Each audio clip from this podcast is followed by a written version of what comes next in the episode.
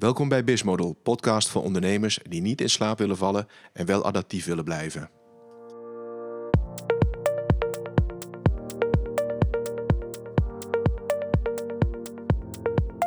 We zoeken de mensen erbij, we maken een plan en dan gaan we verkopen als een gek. En Ik noem, ja, ik noem dat inside-out business development. ja, dus eh, dat, dat is een beetje gokkend de toekomst in natuurlijk. ja, dat is gewoon eigenlijk een Russische roulette wat je met financiën, resources en Ja. alles doet. Want je weet niet na zes of twaalf maanden of het gaat eh, slagen.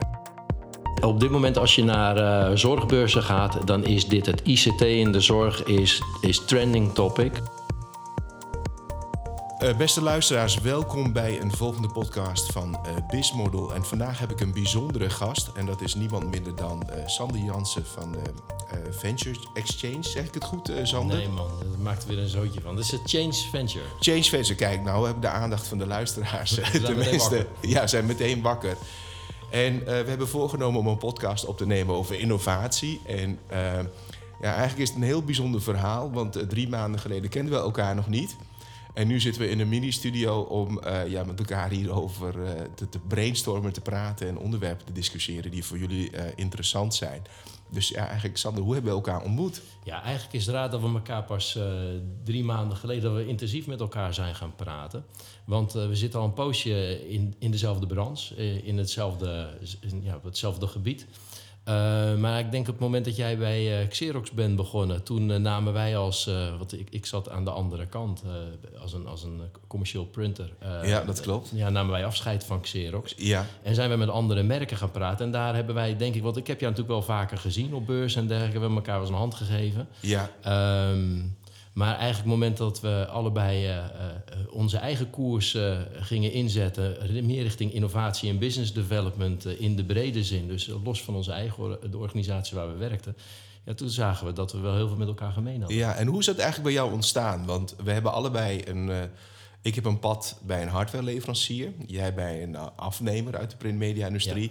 Maar je bent ergens linksaf geslagen en ik ben ja, part-time linksaf geslagen. Ja, het is, het is meer, ik ben toevallig eh, op die positie. Nou, ik weet niet of toeval bestaat, laat ik het zo zeggen. Ik ehm, ben al vanaf het moment dat ik van de grafische school afkwam, eh, in posities terechtgekomen. Eh, die steeds hetzelfde kenmerk hadden. En op een gegeven moment kun je dan realiseren dat dat heeft waarschijnlijk niet met toeval te maken, maar dat komt door, door gewoon je eigen persoon. En- wat, wat wil dat zeggen? Eh, mijn eerste baantje was bij een eh, grote uitgever, Kluwer in Nederland. En die wilde iets heel nieuws gaan doen met databases en, en automatisering in publicaties. En zat nieuws, iets nieuws doen, zat dat altijd al in jouw DNA? Nou, ik schrok daar niet van. Ik vond dat leuk. Ik merkte dat ik dat interessant vond. En ik zat op een afdeling waarbij alle andere collega's eigenlijk... eh, die waren ook wat verder in hun carrière... gewoon het liefst bleven doen wat ze altijd al deden. Voelden zich daar veel comfortabel bij... En, en zagen verandering als iets engs. En wat zij heel prettig vonden, was dat er eentje opstond... die zei, nou, dat is leuk, dat wil ik wel doen. Want dat zorgde ervoor dat zij in hun comfortzone konden blijven... zonder dat de, hoe zeg je, de, de identiteit van de afdeling waar ze op werkten...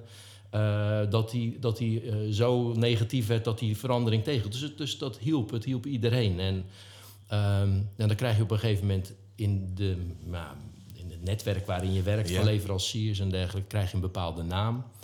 Ehm, en dan komen dingen op je pad, dingen die bij je passen. En dat is elke keer, ehm, het, is, het is, heeft zich een paar keer herhaald, kom ik in een aanmerking met een ondernemer die, eh, die een bedrijf heeft, ehm, dat goed geld verdient, maar die zegt, joh, ik moet anders. Ik weet alleen niet zo goed hoe. Zijn, zijn ondernemers, eh, dat merk ik zelf ook, ondernemers eh, die zijn, eh, ik zeg altijd, ze zijn verslaafd aan hun foute heroïne. En dat is eigenlijk een stuk omzet die heel comfortabel voelt. Ja. En eh, dat gaat heel lang goed. Maar meestal gaat het net zo lang goed totdat het een keer goed fout gaat. En dat betekent dat er een concurrent komt of een applicatie of een service of een dienstverlening van een ander bedrijf die je in één keer heel erg moeilijk maakt of dat je eigenlijk ja, uit de business wordt eh, Ja. geduwd. Hè? Ah, het is, ik denk dat elke, elke ondernemer die een, eh, een succes heeft opgestart, eh, die, die heeft het na een paar jaar, komt hij voor een lastig dilemma te staan. Ehm, gaat hij het kind, wat hij, wat hij aan het grootbrengen is en wat de grote bron van inkomsten is, gaat hij dat loslaten en gaat hij op zoek naar andere dingen? Wat eigenlijk wel noodzakelijk is, want de wereld verandert razendsnel. Ehm, of gaat hij daar eh, ja, met heel veel moeite proberen de boel in stand te houden? En dat betekent vaak dat je je product of je dienst aantrekkelijk moet maken door uh, veel efficiënter en met tegen lagere prijzen te gaan werken. En wanneer komen die ondernemers nou eigenlijk achter van ja, ik, uh, ik ben eigenlijk uh, te laat? Of, of weten ze dat überhaupt niet dat ze te laat zijn? Want dat nee, is nog erger. Hè? Dat is op het moment dat ze vaak een mislukking hebben. Wat, ze, wat je ziet is dat heel veel ondernemers hebben een bedrijf ingericht om goed en efficiënt en professioneel te kunnen leveren. Dus daar hoef je niet zoveel over te zeggen. Je hoeft een aap uh, zelden te leren klimmen. Um, het probleem ontstaat op het moment dat ze iets willen veranderen in een organisatie. Dan merken ze eigenlijk dat uh, alles al op, op, een, op een goede spoorrails aan het lopen is. En dat het heel erg moeilijk is om, om dan van koers te veranderen. En is het ook zo dus dat afleren is moeilijker dan leren? Ja, nou, ik zeg altijd, uh, en dat is misschien ook wel om, uh, om iemand gerust te stellen... je moet niet afleren, je moet bijleren. Dus Ja. zorg er vooral voor dat hetgene wat nu je, je, je bron van inkomsten is... dat je daar geen afscheid van neemt, koester dat.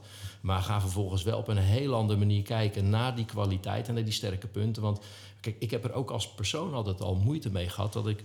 Um, bij wijze van spreken tot mijn achttiende een, een, een, een, een, beroepsopleiding heb gevolgd. En dat ik dan de rest van mijn leven altijd dat beroep zou moeten doen. Ja, ja, ja dat is, maar dat, dat is tegenwoordig niet meer zo. Want exact. Uh, maar dat de wereld gaat de... zo snel dat je niet meer kunt blijven doen wat je altijd hebt gedaan. Ja. Uh, Stephen Covey zei ooit een keer heel mooi van als je altijd blijft doen wat je, wat je doet, dan krijg je ook altijd wat je hebt gekregen. Ik dacht dat het een uitspraak van Einstein was. Oh, van Einstein. Oké, okay. ik zag hem bij Stephen Covey een keer op internet.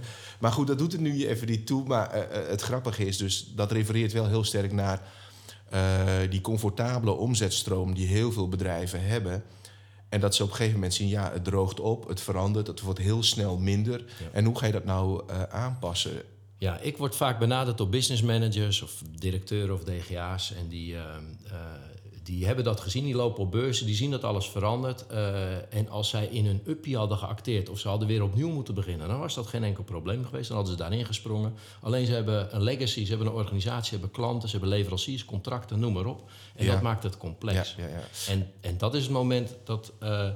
Ja, ik heb dat uh, drie keer in, uh, in, uh, in loondienst gedaan. En Ja. ik- het is, dat is ook drie keer is het gelukt om een bedrijf van binnenuit te veranderen. Zonder, hè, zonder af te leren, maar echt met bijleren. Dus, Ja. dus door verschillende verdienmodellen door elkaar te laten lopen.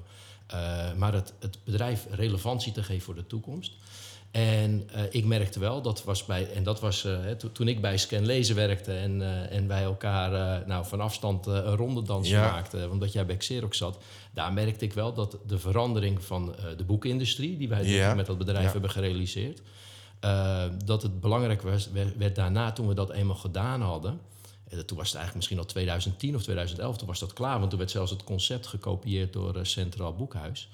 Ehm, ja, dan komt het op opschalen, groot worden, professioneel. En dan merk ik dat ik uit mijn eigen comfortzone... Dus, dus ik merkte toen als directeur van... nou, dit kan ik wel, dit beheers ik wel. Ja. Uh, maar werd ik er blij van. Ging ik elke dag fluitend naar mijn werk. ja, geeft het je energie of kost het je energie? Ja, hè? ja, dat, en, is, eh, dat is een vraagstuk. Ah, dat was geen vraag. Ik had het antwoord al lang in mijn hoofd. Dit, dat gaf me geen energie meer. En op een gegeven moment merk je dat ook in de interactie met bedrijven. En dan heb je dus... Uh, ik heb dus op die manier geleerd van... aan elke directeur zit ook wel een houdbaarheidsdatum. Ja, elke CEO heeft dat ook Ja, natuurlijk. joh, dus, en ik, ik, ik- voor mij was dat het moment dat de transitie gemaakt was en het moest naar groeien, dan, eh, dan is bij mij het einde houdbaarheidsdatum. Ja, En ik, heb daar, ik ben er iets te lang doorgaan. Dus nou, om te voorkomen dat ik zuur werd, heb ik gewoon ehm, eerst als een soort hobby heb ik een, mijn programma, mijn visie heb ik vertaald naar een, eh, naar een boek, naar, naar iets wat ik ook kan exploiteren. wat is de titel van het boek? Kunnen mensen hem bestellen? Ja, ja, hij is zelfs hij is naar het Engels vertaald. Oh, kijk eens aan. hij is, hij is ook in het buitenland te bestellen via Amazon, maar in Nederland gewoon bol.com. En het heet ja, eh, de building blocks van het innovatie framework. Want Ja. ehm, ik denk dat innoveren, eh, daar is niet een one size fits all eh, programma van. Maar het zijn wel heel veel bouwstenen die je nodig hebt. Ja. Die je in verschillende constructies, je het als een Lego-box. Eh, dus ik heb in dat boek eh, geef ik een opsomming van die bouwstenen vanuit eh, ja en, en om dat een beetje gestructureerd te laten lopen, heb ik een framework erbij geleverd. Oké, Ah, ik merk als je aan bedrijven vraagt van wat is innovatie. Hè? Ik noemde het net al buiten de podcast om. Ik had gisteren een spreekbeurt voor de VKGO. En een, een simpele oefening, dat, dit kun je trouwens als onderneming ook nu op de zaak doen als je de volgende keer een vergadering hebt. Is dat je gewoon eigenlijk iedereen een A4'tje geeft. En dan in vijf minuten in stilte, dus ga geen lawaai maken en elkaar lopen porren. Maar ehm, schrijf even voor jezelf in stilte in vijf minuten op van ja, wat is strategie of visie uh, voor je bedrijf of voor jezelf. En na vijf minuten probeer dat aan elkaar eens uit te leggen, aan je buurman of buurvrouw, wat dat is. En je zult merken dus dat als er tien man zijn, dat je tien verschillende interpretaties hebt van uh, ja, strategie of visie. En als er tien verschillende interpretaties zijn, dan heb je al een toren van Babylon. En ik weet uit ervaring, die toren van Babylon die is nooit afgekomen. En hoe, hoe reageerden ze? Want je hebt gisteren dat gesprek gehad. Hoe reageerden die mensen onderling toen ze dat aan het voorlezen? Kwamen ze op dezelfde golflengte uit of ging het echt langs elkaar heen? Of? Nou, kijk, ze hadden dit natuurlijk nog nooit gedaan. Of, uh, en, en meestal wat je ziet is dat uh, dit soort beleidsstukken, uh, strategische vraagstukken, die worden heel erg top-down geschreven vanuit hele dikke Word-bestanden, hele dikke PowerPoint-presentaties. Ja, niemand leest dat meer. Joh. Ja, niemand leest dat meer. En, en je zag dat mensen eigenlijk iets hadden van, ja, ja, shoot, weet je wel, als ik, als ik nu al niet goed kan uitleggen aan mijn buurman wat ik bedoel, hoe kan ik dat nou aan mijn medewerkers duidelijk maken, zodat zij meegaan in die transitie? En je weet uit ervaring dat uh, een groep van medewerkers is, ja, die, die vinden dat helemaal niet fijn, transitie. Die willen gewoon altijd blijven doen wat ze al afgelopen vijf of tien of twintig jaar hebben gedaan. En dat maakt het natuurlijk lastig. Maar je moet als organisatie natuurlijk wel die, die transitie uh, gaan waarmaken. Ja, maar wat ik, wel, wat, wat, wat, ik, wat ik heb opgemerkt eigenlijk uit mijn ervaring... is dat bijna iedereen wil wel veranderen... maar niemand wil veranderd worden. En het is veel effectiever als je in plaats van boven naar beneden... Uh, dat soort beleidsstukken schrijft, dat je verbinding maakt tussen allerlei afdelingen. Wat ik nu, uh, ik heb zelf, uh, werk een van mijn opdrachtgevers is een hele grote tech-organisatie, internationaal. Heel veel afdelingen met grote afstanden. Wil je je naam noemen? Ja, ja, dat is uh, Canon. Ja, oké. Okay. Ja, sorry. nee, niks sorry, dit is onafhankelijk. ja, oké, okay, nou ja, goed. Het is niet, niet Xerox, maar uh, nee, maar ik, uh, Canon is, een, is, is, is dat voor, voor, eigenlijk ook voor mij prettiger, omdat een grote R&D-afdeling in Venlo in, in Nederland zit. Dat is, bij Xerox is dat natuurlijk anders. Ja. Um, en het, maar het interessante is, er zitten grote afstanden tussen de R&D, marketing, sales... Um, en die proberen eigenlijk met z'n allen wel hetzelfde te bereiken. Want als je met ze vraagt, van, ja, dan zeggen ze allemaal... ja, we moeten eigenlijk weg van het verkopen van efficiënte oplossingen. Hè, want dat is hè, we, altijd doen wat we altijd al deden. Ja, ja. Maar we moeten gaan zoeken naar, naar, naar oplossingen. Oplossingen voor onze klanten, oplossingen voor onszelf. En dat moeten we veel meer gaan promoten. Want wij kunnen veel meer dingen doen dan alleen heel goedkoop uh, dingen produceren. Ja, ja dat is, en dat, dat vraagt natuurlijk heel veel um, energie van een organisatie. Hè? Heel veel energie van ja. afdelingen, ja. van mensen. Ik weet uh, binnen bedrijven als uh, dingen moeten veranderen, dan uh, is het heel makkelijk om te wijzen. Want anderen moeten vooral veranderen en zelf niet. Hè? Dus, en, maar uiteindelijk als individu ben jij een puzzelstuk van een afdeling en een totale organisatie. Dus ja. ook verandering hoort bij de individu. Ja, maar het lastige is ook, je, je raakt je gesprekspartner kwijt als jij zegt van jij moet veranderen en ik niet. Want daarmee zeg je impliciet, jij bent een probleem en ik heb mijn boel goed op orde. Ja, ik heb het ook een paar keer meegemaakt dat uh, een, uh, een businessmodel design vraagstuk kwam. En daaruit uit het gesprek bleek dus dat de directeur eigenlijk, ja, die voelde zich een koning. En die, die, die ja, ik, ik heb gelijk. Ja. En, en eigenlijk werd je dan uh, ingekocht als een stuk excuus. Oh, ja. En dat, dat is. En dat kan, is, jij, kan jij met. De, wat dat betekent als jij dus een BIS-model gaat vullen, dat je dat bijna als een bilateraal gesprek met zo'n man aan het doen bent. Ja, het is echt een intake. Hè? Want ik, ik, mijn filosofie is van ik ga dat pas doen op het moment dat de CEO of de leidinggevende zelf achter staat. Ja. Dus, want als er ja, geen draagvlak op, ja. op, op, uh, bij hem of haar niet is, ja, dan is het gewoon een kansloze exercitie. Dan krijgt hij een heel mooie factuur waar ik heel blij van word. En hij iets hij ook uh, volgens afspraak ja, gaat betalen.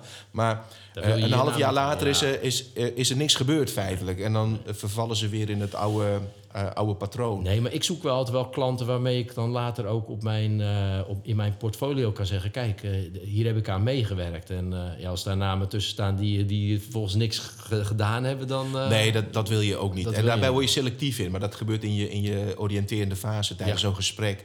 En daar maak je ook zelf een keuze van ja, wil ik met hem of haar wel in, uh, in zee. Ja, maar ik, wat, wat, wat, waar, waar ik het over had en waar jij het nu over hebt, is dat um, innovatie en verandering. Uh, kijk, het natuurlijk is van belang. En ik denk dat een BIS-model daar uh, echt een fantastische oplossing is, omdat het een soort eh, gemeenschappelijke, op een hele eenvoudige manier, een transparante manier, een soort gemeenschappelijk beeld kan geven dat iedereen begrijpt. Ja, dat is, dat, dat is de kracht van visueel werken, want dat doe je eigenlijk hè, met de Business Model Canvas, eh, de, de waardepropositie Canvas en het eh, valideren daarvan. Het is allemaal heel visueel Ja. en praktijk.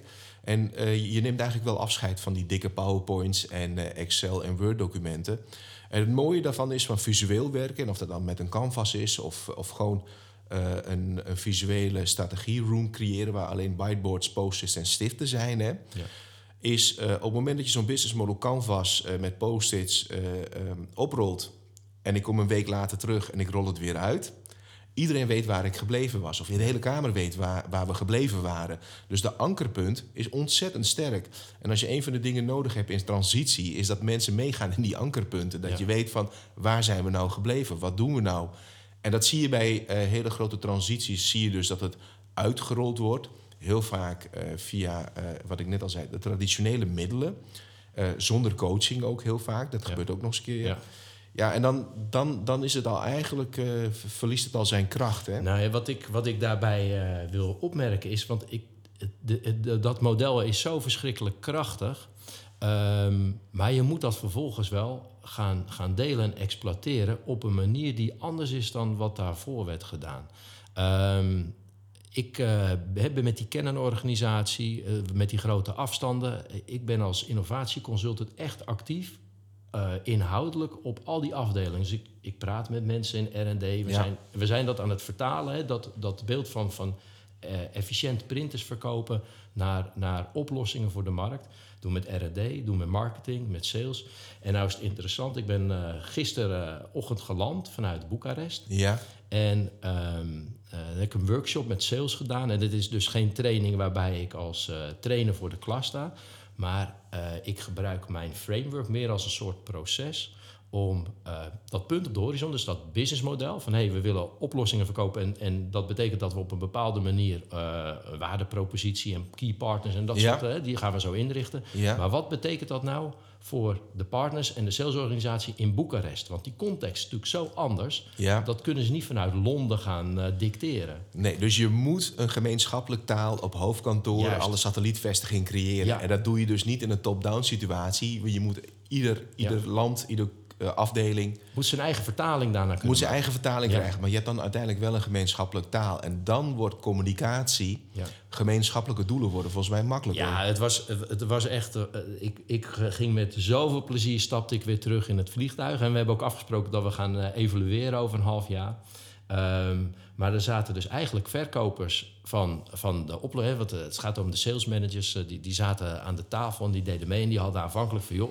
Je kan wel lekker lullen met je oplossingen verkopen. Maar onze business is nou gewoon eenmaal zoals die is. En er is weerstand, et cetera, et cetera. Dus, dus de, eigenlijk de grondhouding was dus ook een beetje negatief. Van eh, laat ons nou doen wat we altijd al deden. Eh, maar hun, hun, hun eigen probleem op dat moment, dat speelt dan in Oost-Europa, is dat ze heel veel last hadden van, eh, als van een bepaalde concurrenten, met name Ja. Konica Minolta. Ja. Runner-up in de industrie, denk ik. Ja. En vooral ook eh, van, van, van onderaf naar boven aan het eh, opstomen. En eh, ze hadden daar eigenlijk geen goed antwoord op, omdat als je het hebt over efficiency en goedkope prijs, ging Konica Minolta veel meer in een sweet spot zitten Ja. dan dat zij met hun apparatuur zaten. Dus er was wel urgentie. Ze wilden dus wel. Ze moesten iets vinden, een oplossing. En wat we gedaan hebben is met die workshop... is, is in plaats van dat ik hun ging vertellen hoe ze dat moesten doen... en dat verwachten ze een beetje, hè, daar kwam Ja, jij bent de goeroe, hè? Ja, dan kom je... Uiteindelijk. Nee, wat we eigenlijk deden, ik heb gewoon een soort eh, eh, kader gegeven waarbij eh, zij heel veel van hun eigen best practices en Ja. problemen en wat zij eigenlijk verwachten vanuit dan de, de centrale salesondersteuning. ehm hebben ze hun eigen data gecreëerd. Nou, dus de kamer eh, waar we zaten hing aan het eind van de dag helemaal vol met van die grote flip-over eh, charts. Ehm, waaruit vanuit elk perspectief waaruit je naar een business kan kijken, eh, informatie stond. En pas toen zeiden we, hadden zeiden we, nou, dit is eigenlijk wat er dus gebeurt in onze omgeving. Wat zijn nou onze sterke punten? Waar liggen de dreigingen? En toen konden we een propositie maken. Hebben die mensen zelf gedaan. Hebben we een, een ander soort sales canvas voor gemaakt. Ja. En zijn ze een, een proposities gaan ontwikkelen met een, eh, met een, een, een, een targetmarkt eh, op het netverlies of misschien al een specifieke klant. En die zijn ze gaan ontwerpen. En aan het eind gingen ze allemaal die kamer van, we hebben een plan. Ja, We hebben een plan, we snappen hoe we het ja, kunnen doen. ja, ja, ja, ja. En, en, en zo is er dus een vertaling gemaakt van een abstract eh, eh, model. Hè, van eh, dit zijn onze key part, et cetera. Dus eh, naar hoe die mensen dat op de werkvloer ook daadwerkelijk aan hun klanten kunnen gaan verkopen. Ja, dat is, dat is echt geweldig om te horen. Mijn, eh, zelf heb ik, eh, mijn eerste opdrachtgever was eh Hazitech Electronics in eh, Hamburg. En eh, die hadden exact hetzelfde probleem. Zij, ehm, zij maken namelijk, eh, ja, iedereen die vaart, die weet dat je op een gegeven moment een bootje uit water moet halen. Maar dan moet je alle algen en, eh en eh Onderhoud zeepokken redden, ja. onderhoud en alle mosselen eraf schrapen. Hoe groot waren die boten waar we het over hebben? Zijn het- Ja, dat zijn, dat zijn echt mammoetankers waarvoor Ja, ze dus- werken en marineschepen. ja, dus, niet even een sloep omhoog Nee, tillen. ze, ze, ze zitten dus niet in de sloepenbusiness of in de pleziervaartuigen. Maar het grappige is, ze hadden dat eh, techniek ontwikkeld en wat ze doen. Eh, normaal gaat een boot weer eh, de haven in en eh, droogdok en dan wordt de antifouling aangebracht. Dus een of ander eh, chemisch goedje waar eh, niks meer op wil groeien. En dat gaat een jaar goed en dan moet het weer terug. Gedurende een jaar groeien dus allerlei zeepokken, algen en weet ik veel wat allemaal vast. En mosselen. En ehm, ja, dat zorgt ervoor dat er meer brandstof wordt verbruikt. Dus de, de vaareigenschappen die worden wat minder. Het kost meer energie. Ja. Eh, en ja, en wat zij hebben, ze hebben een eh, gepatenteerd systeem waarbij ze met ultrasone geluidsgolven eencellige kapot maken. Of die gaan kapot, die exploderen zeg maar onder water. Het is niet schadelijk voor eh, walvissen, zeehonden, dolfijnen. Dus dat hebben ze ook allemaal getest. Want het bereik is maar echt eh, heel kort tot aan de romp, eh, zeg maar. En eh, op het moment dat het schip één keer is schoongemaakt, plaatsen ze die zondes aan de binnenkant. Ze zetten het aan en de boot kan gewoon blijven varen en er groeit niks meer aan de, aan de romp van een Oh, boot. goed. En dan is het allerbelangrijkste dat je geen concurrerende positie ten aanzien van Fransen inneemt. Want we hebben gezien met die vissers. hè, Ja, de- ja, ja, klopt, dat, ja. Dat, dat de Europese wetgeving dan opeens in de weg kan gaan zitten. Daar hebben Ja, ze geen last van. Daar hebben ze geen last van. Dus nou, zij maken dat. En eh, ze hadden mij gevraagd: van, ja, hoe, kan, hoe kunnen we dat, dit nou verder innoveren naar nieuwe producten en nieuwe di- diensten? Eh, het is geen bijster groot bedrijf, maar ze zijn wel heel innovatief en ze hebben een waanzinnig slim product. Want alles waar water doorheen stroomt, dan moet je je voorstellen, in bierbrouwerijen moeten ook waterleidingen gereinigd, gespoeld worden, omdat je eh, celvorming krijgt of eh, vervuiling. En zij kunnen dat allemaal eigenlijk met hun technologie verminderen of helemaal eh schoonhouden. Hoe heb je die vraag aangepakt dan? Ik bedoel, dat, Dat is eigenlijk heel simpel. Want wat je Oh. daar zag is ehm, dat een normaal wordt er geïnnoveerd bij hun top-down. Dus de directie, de hoofd R&D bedenkt wat. Dus je krijgt een traditioneel model van...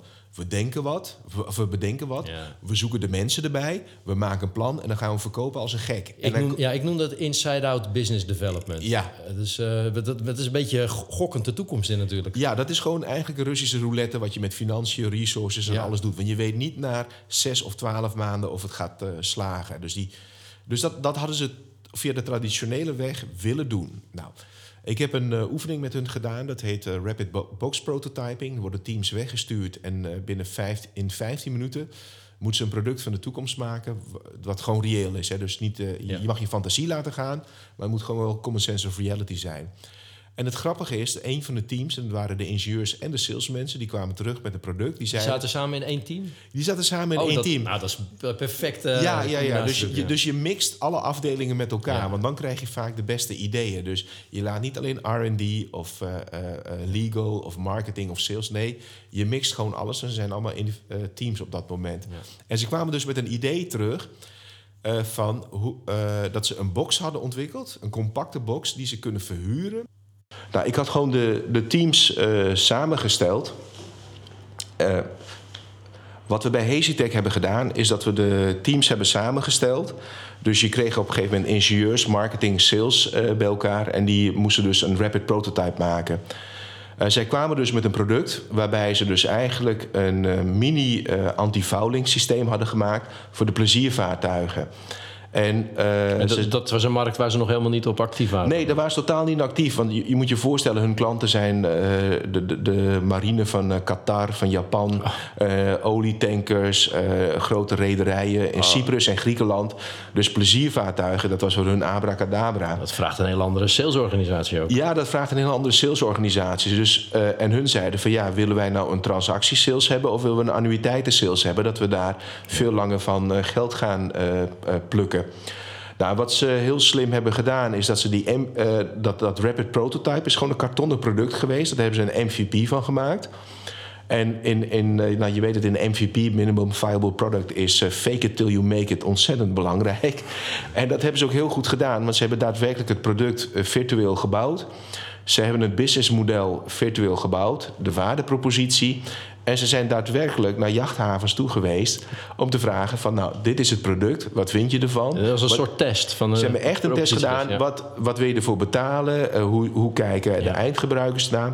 Eh, wat ze ook heel goed hebben geleerd is dat eh, je klant is nog niet de gebruiker. Dus de waardepropositie voor de klant is heel anders dan voor de gebruiker. Ja. Dus ook dat hebben ze heel goed gesnapt. En dat hebben ze uiteindelijk, eh, gaan ze dat nu eh, ja, volbrengen tot een, eh, tot een echt een product en een dienst en een service. En het mooie daarvan is, is dat de directeur Jan Kelling, die zei op het, op het laatste ook, of later ook, van ja, als we dit voor ons de traditionele weg hadden aangepakt, had het ons waarschijnlijk 120 tot 150.000 euro gekost. Om, en, dan, en dan hadden we waarschijnlijk nog meer geld verbrand om dan een jaar te pushen om iets te verkopen waarvan we weten wat de klant eigenlijk niet wil. Ja. En nu zijn we, ja, nu, omdat we zoveel gevalideerd hebben, in, zowel in ons businessmodel als in de waardepropositie. Ja. En we hebben verschillende afdelingen met elkaar kunnen laten praten, dus marketing en sales bijvoorbeeld. Ja, dat, dat ze nu eigenlijk in een tijdsbestek van een paar maanden eh, al tot hele goede, of een hele goede data hadden om hun business case voor te kunnen zetten. En dat was in het oude model, zegt hij, was het nooit gelukt. Nee, maar ik denk dat dit de essentie is van de, van de tegenwoordige eh, innovatieslag bij bedrijven. Ik heb eh, zelf, ja, ben ik manager geweest bij een bedrijf wat eigenlijk geen resources had financieel. Hè. Ja. Dus, natuurlijk was het bedrijf, had middelen, eh, maar er waren geen budgetten om hele grote gekke dingen te doen. En zeker niet om daarmee te gaan gokken. Eh, en ook op diezelfde manier is dus incrementeel eigenlijk een, eh, een, een, een constant een stap gegaan waarbij de interactie met klanten en prospects essentieel is geweest om te toetsen van oké, wij denken dat dit de volgende stap is in de sector. Wat vinden jullie ervan? En steeds een, eh, een oplossing. En op het moment dat een klant zei: nee, dat vinden we niet, gewoon echt goed doorvragen: waarom is dit het niet? Heeft dat te maken met de kwaliteit van het product of de, of de kwaliteit? Of is, het, is het niet urgent? Hè? Ja. Is, is- sluit de oplossing helemaal niet aan? En, en steeds ehm, met kleine stapjes. Dus ik, ik noem dat ook eh, continuous change. Eh, grote innovaties hebben geen plaats meer eh, ergens in een, eh, in een tekentafel. Een, Nee, je kunt niet meer van die enorme grote sprongen maken zoals vroeger. Jeff Bezos heeft dat ook zelf heel mooi gezegd van Amazon. Hè? Dus in plaats van een hele grote boog maken van een jaar, Ja. maken ze continu kleine boogjes van bij- bijna weken. Weet Ja, je, in, in producttesting en innovatie. Je ziet het eh, Scrum-teams werken eigenlijk volgens dat principe. En aan, aan bestaande systemen worden dus met hele kleine sprints constant incrementele wijzigingen aangebracht. Eh, Lean-teams, Kaizens werken op die manier. Ja. Ehm, en je ziet de effectiviteit daarvan is zoveel. De impact is heel groot, terwijl eh, eigenlijk het kostenaspect heel klein is. Ehm, en eh, je blijft ook, ja, ook weer zo'n eh, zo'n buzzword, maar toch wel heel belangrijk. Je blijft agile. Je zorgt ervoor dat je, dat je heel snel kan reageren op de Ja. veranderingen. En, Ja, eh, ja, ja, weet je, voortschrijdend inzicht eh, heb je liever eh, om de week, bij wijze van spreken, dan, dan eens in de twee jaar en dan uitleggen elkaar waarom het niet gelukt is. Ja, en eigenlijk in het gesprek merk ik dat het rode draad komen. We hebben heel veel over cultuur gehad. Hè, van wa- waarom directeur of bedrijven zeggen van joh, we vinden het prettig of makkelijker om anders te gaan werken. Hè, dat vraagt wat van cultuurverandering. Eh, ik merk zelf bij eh, heel veel bedrijven, en met name grote bedrijven, eh, die zitten heel vaak in de exploitatiemodus. Hè. Dus die zijn elke dag bezig met de waan van de dag en eh, eh, tijd voor eh, ehm, eh, innovatie. En innovatie hoeft niet altijd een product of een service te zijn. Hè. Het kan ook je HR-beleid zijn of je marketingstrategie. Daar kun je ook op innoveren. Juist, ja, ik denk dat het, dat het in de breedte van een organisatie plaatsvindt. Exact, exact. In de- Dus innovatie is niet alleen maar product of service. Het, het, het heeft raakvlakken binnen alle aspecten van een, van een bedrijf. En ik merk dus dat bedrijven die dus ja, eigenlijk continu in die exploratie eh, of exploitatiemodus zitten, dus continu met de executie, eh, die zijn dus heel erg verslaafd aan hun, ja, ik noem het altijd aan die, aan die eh, Ja. foute omzetstroom. Ja, het is, het is wel te verklaren. Eh, bedrijven zijn heel erg succesvol geweest, genereren geld en marges door eigenlijk een heel efficiënt en goed product op de markt te zetten voor goede, goede dienst. Maar als de markt en de omstandigheden veranderen en de enige reflex is ja, doen wat je altijd al deed, namelijk Ja. goedkoper en efficiënter worden. Ja, dan ben je op een gegeven moment, verlies je dus je relevantie voor die markt. En uh, uh, daarom Henk Volberdaar, dat is, een, is een, uh, een hoogleraar die werkt aan de Erasmus Universiteit. Maar die krijgt elk jaar opdracht van de Nederlandse overheid om de rapportcijfers ten aanzien van innovatie in te leveren.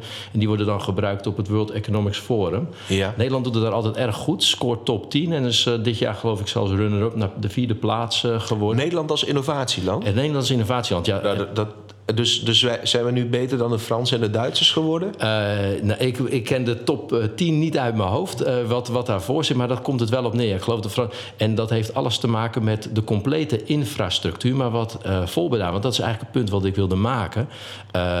bij al zijn onderzoeken en gegevens naar voren bracht, was dat 75 procent van succesvolle innovatie steunt niet zozeer op technologische verandering, maar steunt op sociale innovatie.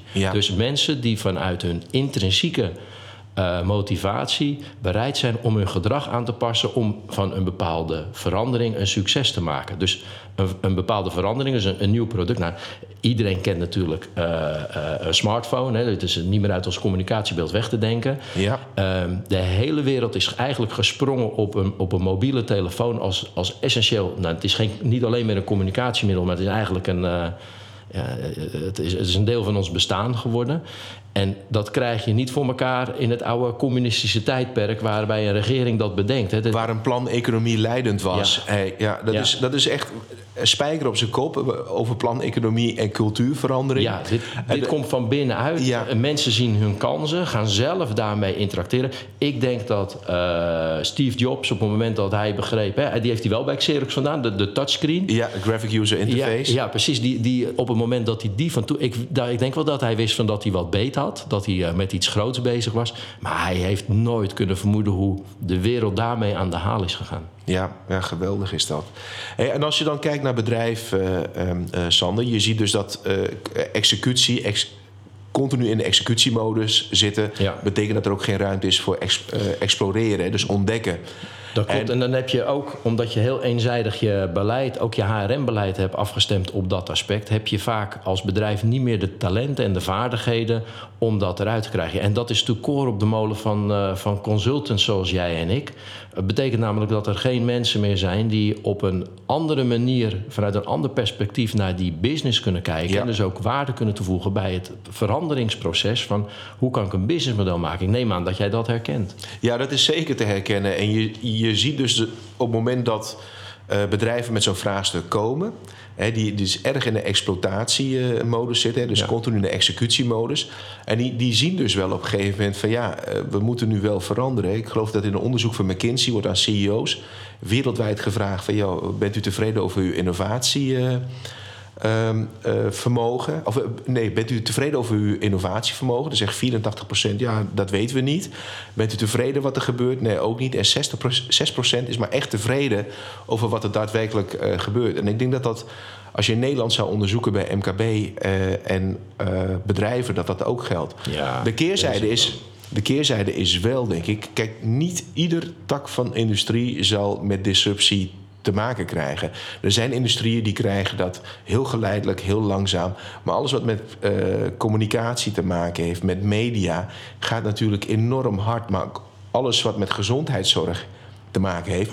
Dat, zal, dat zal ook enorm gaan groeien. Ik bedoel, we staan nee, op de vooravond. Je, de, de, op dit moment als je naar uh, zorgbeurzen gaat... dan is dit het ICT in de zorg is, is trending topic. Um, maar ik las uh, twee jaar geleden al in de krant dat ook advocatenkantoren, toch een beroepsgroep waar je dacht, nou ja, die, dat, dat blijft gewoon, die moeten zichzelf op dit moment ook opnieuw uitvinden. En die, uh, er stond een artikel dat, dat, uh, dat hun business bedreigd werd ja. door allerlei nieuwe. Kunstmatige intelligentie? Nou ja, kunstmatige intelligentie, maar ook juridische informatie is natuurlijk ook steeds makkelijker te vinden. Ja. Um, en op, op, is veel versnipperder te krijgen. Dus ook die markt is enorm aan het veranderen. Het is wel grappig dat je dat zegt, want uh, als je kijkt naar innovatie in, um, uh, bij bedrijven in de advocatuur.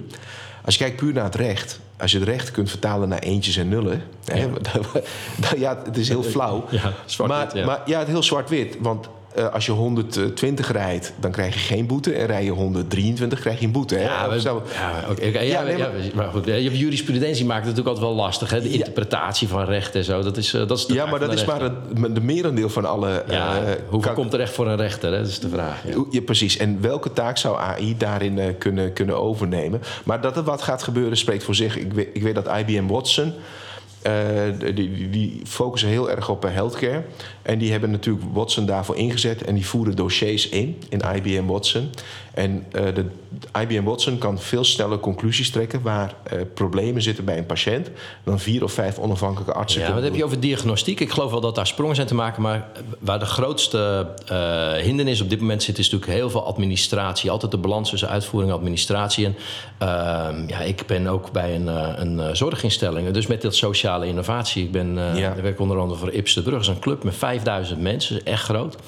Ehm, en die proberen hun eh, managementlasten teru- terug te dingen en veel meer handen aan het bed te krijgen. Maar die kijken natuurlijk ook met een schuin oog van wat, wat doet blockchain nou? Want blockchain is bijvoorbeeld heel interessant voor de fintech. Hè? Dus dat, Ja. je, dat je gegevens opzet. Maar kunnen we dat ook toepassen in eh dossieropbouw van patiënten, uitwisseling van informatie, eh, om daar een blok- blockchain eh, eh, situatie voor te krijgen? Is dat een, een, een, een trending topic binnen de Ja. healthcare? Dus onder andere, ja, als je dus praat met, met de IT-tak binnen zo'n organisatie, dan zijn ze daarmee bezig. Eh, maar het gaat steeds verder om dat eh, eh, innovatie in de zorg betekent eigenlijk dat je, dat je al dat soort administratieve, en, eh, maar ook eh, ehm, verantwoordelijkheden, al die taken ga je integreren in het, in het, in het, gewoon het, het uitvoerende proces. Nou, eh, zolang je dat niet doet, en je gaat veranderingen in de organisatie uitvoeren, betekent dat dat je voor eh, verplegers, eh, begeleiders, mensen die dus die zorg uitvoeren, die zeggen: wat een belasting. Ik moet lijstjes, ik ben met de helft van de tijd zit ik achter de computer. Ja, En dat is ook, eh Hugo Borst heeft daar natuurlijk ook een, eh, een, een, een- een petitie, een, eh, een heel groot succes mee bereikt. Denk ik dat hij dat in de, zelfs in de Eerste en Tweede Kamer. Ja, klopt. Ehm, maar die, die, die zegt ook, joh, mensen zitten gewoon de helft van de tijd achter de computer in plaats van dat ze mijn, moeder aan het verzorgen zijn. Eh, Sander, we hebben het net gehad over eh, innoveren bij een eh, bedrijf. En ik heb nog een laatste vraag voor je. Als bedrijven van executiemodus of continu die, die, die uitvoermodus naar innovatiemodus willen gaan, hè, heb jij een eh, top 2 of een top 3 lijstje met uitdagingen, problemen die jij heel vaak tegenkomt? Nou, het is, eh, het is een eh, lastig verhaal om een echt een top eh, zoveel te maken. Want dat betekent, zou betekenen dat eigenlijk iedereen in dezelfde situatie zou verkeren. Eh, maar dat is niet zo. De context is altijd anders. Maar er is wel één gemeenschappelijke deler waar ik altijd tegen aankom loop. En dat is dat met name de perceptie van innovatie moet veranderen.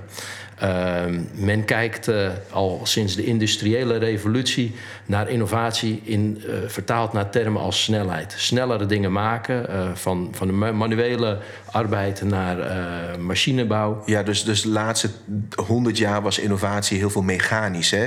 Absoluut. We- hè, dus we gingen van stoom naar Ja. elektrisch en de fossiele brandstoffen. Exact. En, en die industriële manier van denken heeft er, is vooral gericht om sneller en goedkoper producten te maken. En het enige bijproduct wat daar eh, vanuit komt is eigenlijk luchtvervuiling. Is dat, is dat ook niet zo, als ik daar even op inhaak, als je eh, zo'n manier van denken hebt, dat dan waarom ook heel veel bedrijven altijd in de modus zitten van we gaan onze kosten verlagen, marge verhogen en de omzet vergroten? Ja, dat is het precies. En, maar daar wordt, dat is niet alleen een manier van denken, maar de, de hele organisatie gaat daarop eh, ingericht worden. Dus mensen worden aangenomen om repeterende arbeid te doen eh, en worden beloond als ze dat heel snel en heel goed doen. Betekent dus op het moment dat je het spel wil gaan veranderen, dat je, en je doet dat met alleen de mensen in je eigen organisatie die je heel eenzijdig hebt aangestuurd, heel eenzijdig aan het belonen bent, dat, je, eh, dat het heel moeilijk wordt om die mensen opeens op een hele andere manier eh, te betrekken bij een verandering. En eh, daarom zeg ik, de perceptie van innovatie moet veranderen.